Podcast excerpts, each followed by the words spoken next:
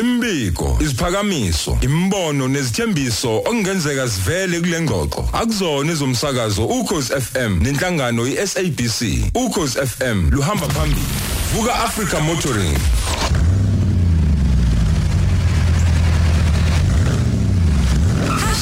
Ukhozi FM VABS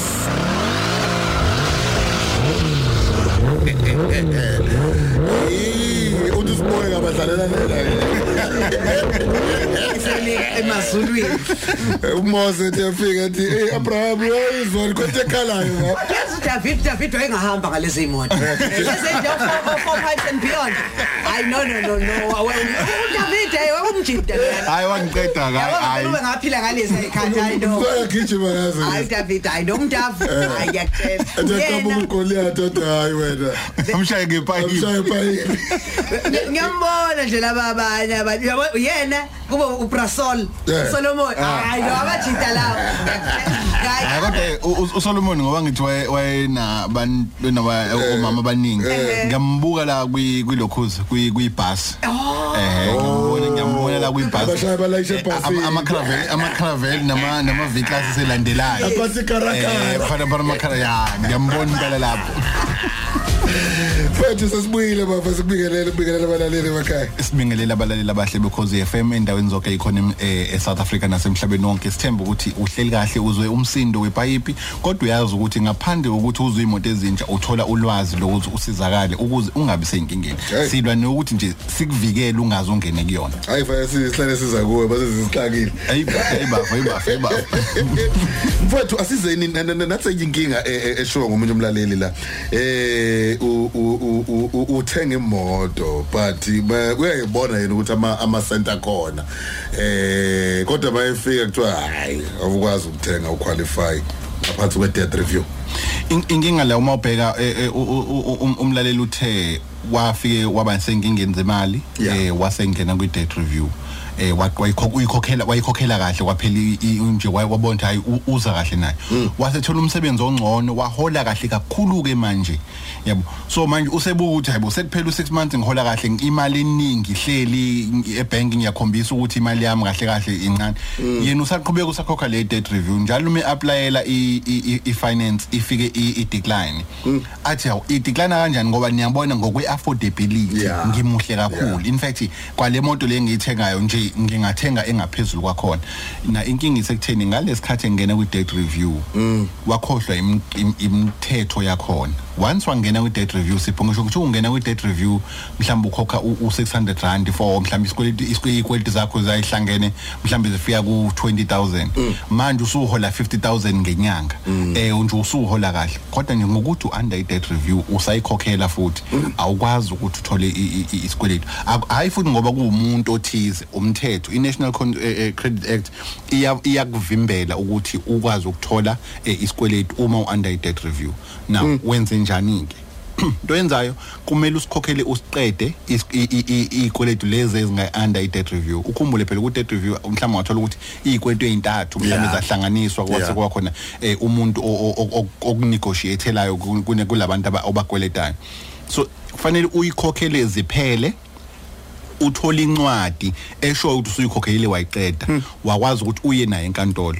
Okunye ke abanye bakwenzeka uthola ukuthi umuntu useyikhokhelile ilokhuza useyikhokhelile wayiqeda ikweletu le nkampani le mhlambe yelokhuza isi ay- ay- ithatha kancane ukuthi ihambe yomkhipha eh, eh, eh, em, iyomkhipha kwi kwi debt review ngokomthetho uyakwazi wena ukuthi uthathe le into ekhombisayo ukuthi usuyiqede ukuyikhokhela uhambe uye ku National eh, i National Consumer Tribunal ekhona. Ufike usho ukuthi na i- i- into eng- ufakazi okhombisa ngikhokhile eh nayi ikhombisa ukuthi ka- yayiqala malini isize yaphela sengiqedile ukuyikhokhela. Then bona bese ke bek- bekhipha incwadi eya enkantolo ezokwazi ukuthi leyo ncwadi enkantolo ikhipha ukuthi cha awusekho under i debt review. Bese uyisa ke kule ndawo njenga o credit bureau yonke into leyo.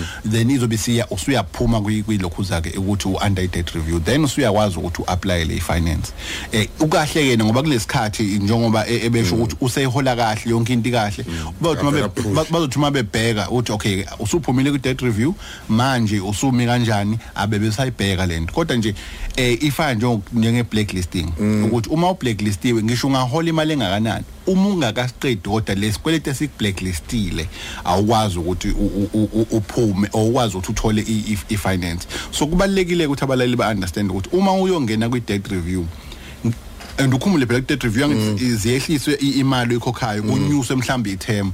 Mhlambe kade into kade u2 years wena usuthi ayi 5 years ukuze ukwazi ukuthi uyikhokhele kulowo 5 years sipho ukhokha kahle kahle kakhulu kodwa still awukwazi ukuthi awukwazi ukuthatha sikweletu asikho isikweletu okwazi ukuthi usithole esisemthethweni uma kuhambisana ne- ne-national credit act. Asikho isikweletu okwazi ukuthi usithole. So-ke understand uma ungena kwi-debt review ukuthi yebo uyayisiza ngokuthi um labantu bakweletayo ngaleso sikhathi um bangakwazi mhlawumbe ukuthi ba-athatshe iy'mpahla zakho kube khona i- isivumelwano esikwazi ukuthi sikusize ukuthi ubakhokhele. Kodwa oku- oku- okungekuhle kakhulu ukuthi kuleso sikhathi until uzuqeda ukuyikhokhela awukwazi ukuthola sikweletu ndawo sipho. Eh, eh, inje eh, form nje nje ukuthi formal ngoba umuntu uthi hayi but uma ngiya kumashonisa cha cha cha. Uma nje uya ebhange elihamba ngomthetho we-National Credit Act awukwazi ukuthi uthole. Kodwa uma uba nenkinga uthole ngoba khona abanye uthola ukuthi umuntu athi kade ngayiqeda uyikhokhela ngathi sebedlala ngami lana be- be-debt review. Ngoba abanye bayimbumbulu eh, uyaya-ke kwi-National Consumer Tri- Tribunal ufike ufake icala lakho uthi hayi eh, lo muntu usedlala ngami. And akayilandeli imithetho ehambisana nokuthi angisize kahle kahle uyena osengiqola. Noma uma ubona nokuthi ke sipho ngiyayikhokhela lo muntu ongisizayo. Kodwa ayi labantu abangikweletayo still basakhala bathi imali abayitholi. Futhi ibhajwa la kulo umuntu lo othi uyakusiza nge-debt review. So ke lapho ke uyakwazi njengoba ngisho nje i-National Consumer Tribunal futhi ufake ilokhuza isicelo sakho uthi hayi ngicela ukubhekisisa kulo muntu lo ongathi uyangiqola. Kodwa nje lili livalwa nje lili lili- lilifishane lithi uma u-under i-debt review awukwazi ukuthola isikweletu Eish. Lungile mfowethu eh ngiyazi ukuthi abantu abaningi yabamangaza le eh kuyo lokhu sifunda ke usuku nosuku. Ngiyazi ukuthi senzeka na kwi page lwe Moto Online ma hybrid ayadlisa kulezi nsuku. mfethu angithi bayabona ukuthi upetrol ukuthi Hey. hayi upetrol ngathi udlala ngathi. So ke eh, abaka Toyota banyuse imoto zama hybrid ama ama Toyota Corolla. Khona i Corolla i hatch khona i Corolla i sedan ba- ba- banyusile i spec esikhona base be- benza zaningana ezi ezi hybrid. So ke okusizayo ngiyakhumbula ifaka i 1.8 eh ka ka petrol besifaka ne engine ka gas eh, ik- am- amandla la ko 103 kilowatt. Ukhumbule ukuthi sekukhona futhi ne 2 liter uma ufuna i 2 liter eh, kuqala kwakhona i 1.2 turbo ayisekho leyo. So sekukhona manje i 1.8 a, a hybrid bese kuba khona i 2 liter engeyona i hybrid eh bese kuba eh, amanani ke aqala ku 490000 for i hatch eh, okuyi hybrid nje eh, eh, ekuqaleni ekugcineni i- i-hatchback i-hatchback yokugcina i-529000 eyi-2 liter nakwi-sedan i-1.8 u-502000 kugcina kuyi-cvt ye-2 liter u-517000 so-ke uma ufuna ukwazi kabanzi ukuthintana nathi futhi um u- n- nokubheka nje into esi- into esizenzayo uya kwi-facebook page yethu imoto online um bese uthi ku-instagram imoto media kwi-twitter imoto underscore online.